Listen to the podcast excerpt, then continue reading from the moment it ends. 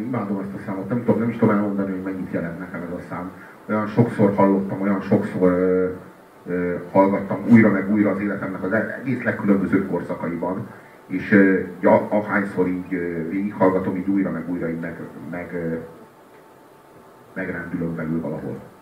Igazából a, hálás vagyok a Robinnak, hogy ezt a számot végül beraktuk, mert ö, nekem nincs a top 5 Peter Gabriel számot, de aztán rájöttem, mikor hallgattam többször is, hogy ez a szám, ez teljesen egyértelműen tízes, minden létező olyan skálán, ahol tíz, tíz vagy annál kisebb a maximum.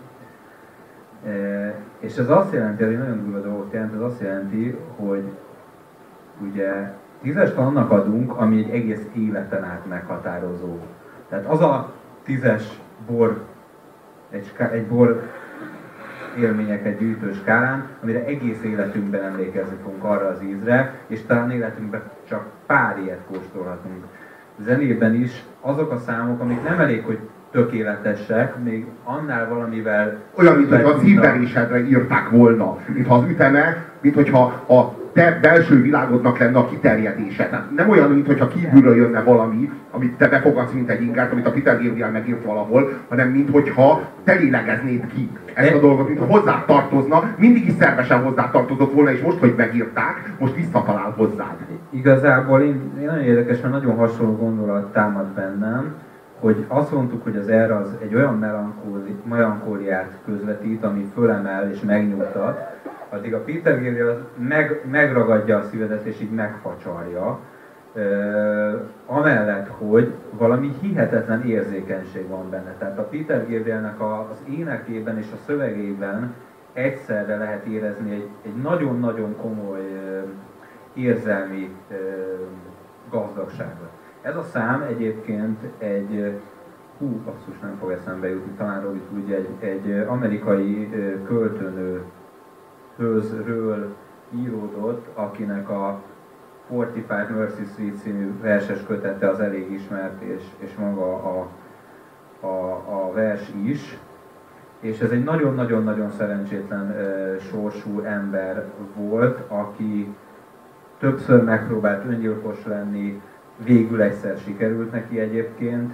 E, meggyőződése volt, hogy ő, ő, ő többek között azért ilyen sérült, mert gyerekkorában zaklatták, de az egész családja és a pszichiáter szerint ez sohasem történt meg. Nem is tudjuk, hogy melyik a nyomorúságosabb, hogyha valaki úgy él egy életet, hogy körülötte ezt mindenki tagadja, hogy a családjával a szexuális zaklatás érte, vagy az, hogy nem érte, de ő egész életében így érzi. A pszichiáter azt mondta, hogy nem történt meg szerinte, de neki ez valóság volt.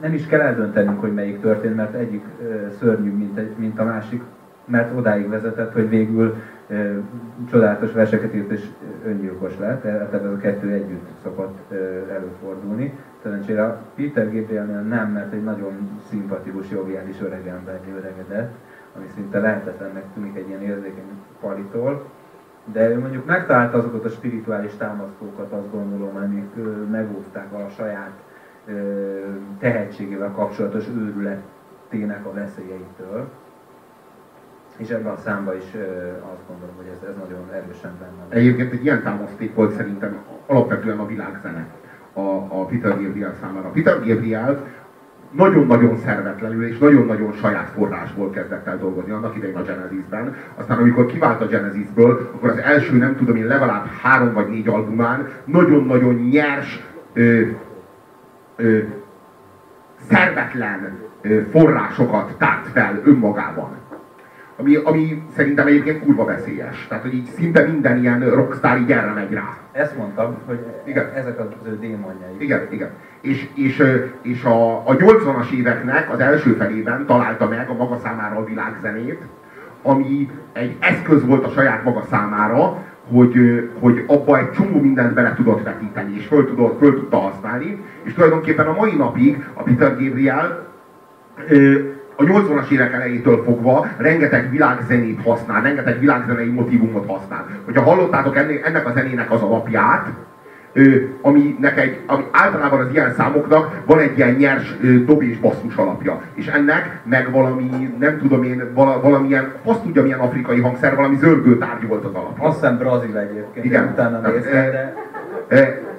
Tehát, hogy, hogy és, és rengeteg, ilyen, rengeteg ilyen elem van a Peter Gabriel életműben, és a, de, de bocs, én azt érzem, hogy ebből baromi kemény munka van. Tehát én vala, de nem tudom, nem tudhatom, de, de kapásból ugye beszéltünk múltkor a Genesis kapcsán, hogy amikor a Peter Gabriel kiváltó azt mondta, hogy építettek egy gépet, ami most már nem ők működtetik a gépet, hanem a gép működteti őket, és kilépett. Megírta a Salisbury Hill című számot, ahol beszámolt azokról az élményeiről, ami ezekkel kapcsolatos, és, és azt gondolom, hogy ő ellentétben sokakkal, akik nagyon nagy tehetséggel és érzékenységgel voltak megáldva, nem fölélte és fölégette ezt e, szerekben és, és nőkben és, és sikerben, hanem visszalépett, e, tudatosan visszalépett, visszalépett a sikertől tulajdonképpen, és elkezdett egy nagyon komoly útkeresést, és ez folyamatosan tükröződik a, az ő munkásságában. Azért érdekes, mert a szó című lemez, pont ami most így, amit most így projektálunk nektek, az, az nem csak művészileg vitte őt a csúcsra, de üzletileg is meg toplistás lágereket is az táncolt. Igen, igen, igen, igen. Tehát hogy az az érdekes, hogy mindettől azt lehetett elvárni, hogy bejárva ezt a művészi ívet eljut, eljut egy olyan csúcsra, ahol így művészileg kiteljesedik, és ez megtörtént a szó című lemezzel, és ezzel egyidejűleg, meg bizonyos értelemben egy, egy popikonná is emelt a Peter Gabriel, ami, ami eleve nem volt benne ebben a művészi fejlődésben. Tehát nem, nem, nem arra futott ki ez az ív, hogy a, hogy a Peter Gabriel az a Sledgehammer meg a, meg a, meg a Big Time című számokkal slágerlista, slágerlistákat ostromoljon, aztán mégis ez lett belőle, és az az érdekes a szó című lemezben, aminek egyébként a következő évben, a következő évben, április, á, április végén, vagy május elején, vagy valamikor, lesz turnéja, és ez ilyen nagyon különleges dolog, 1986-os lemez, 2014-ben megturnéztat a, a Peter Gabriel. Mint, hogy, a, mint a új lenne a Csernobili atomrobbanás. Nagyon jó példa. Nagyon, nagyon fontos. E, és, ja nem, az 87 április volt.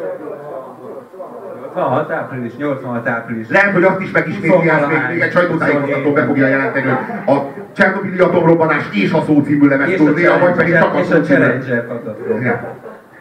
Ja, de tényleg az, tényleg az, az az érdekes, hogy a szócímű lemez az a művészi ívet is a csúcsra viszi, és még mellé pluszban, bónuszként egy ilyen, egy ilyen hogy, hogy, hogy fogalmazok, egy, tényleg egy... Oda is üt.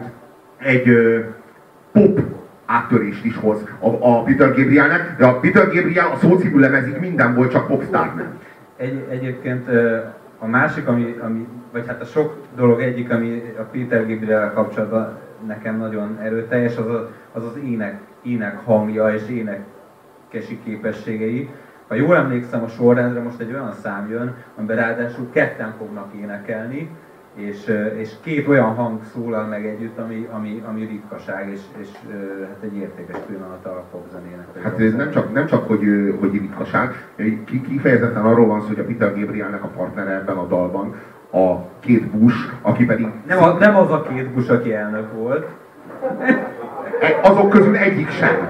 Tehát a, ez egy harmadik Bush, de ennek ellenére kettő. Tehát, hogy egyszerre kettő, és, és mégis a harmadik. Ne küldjetek el a Bush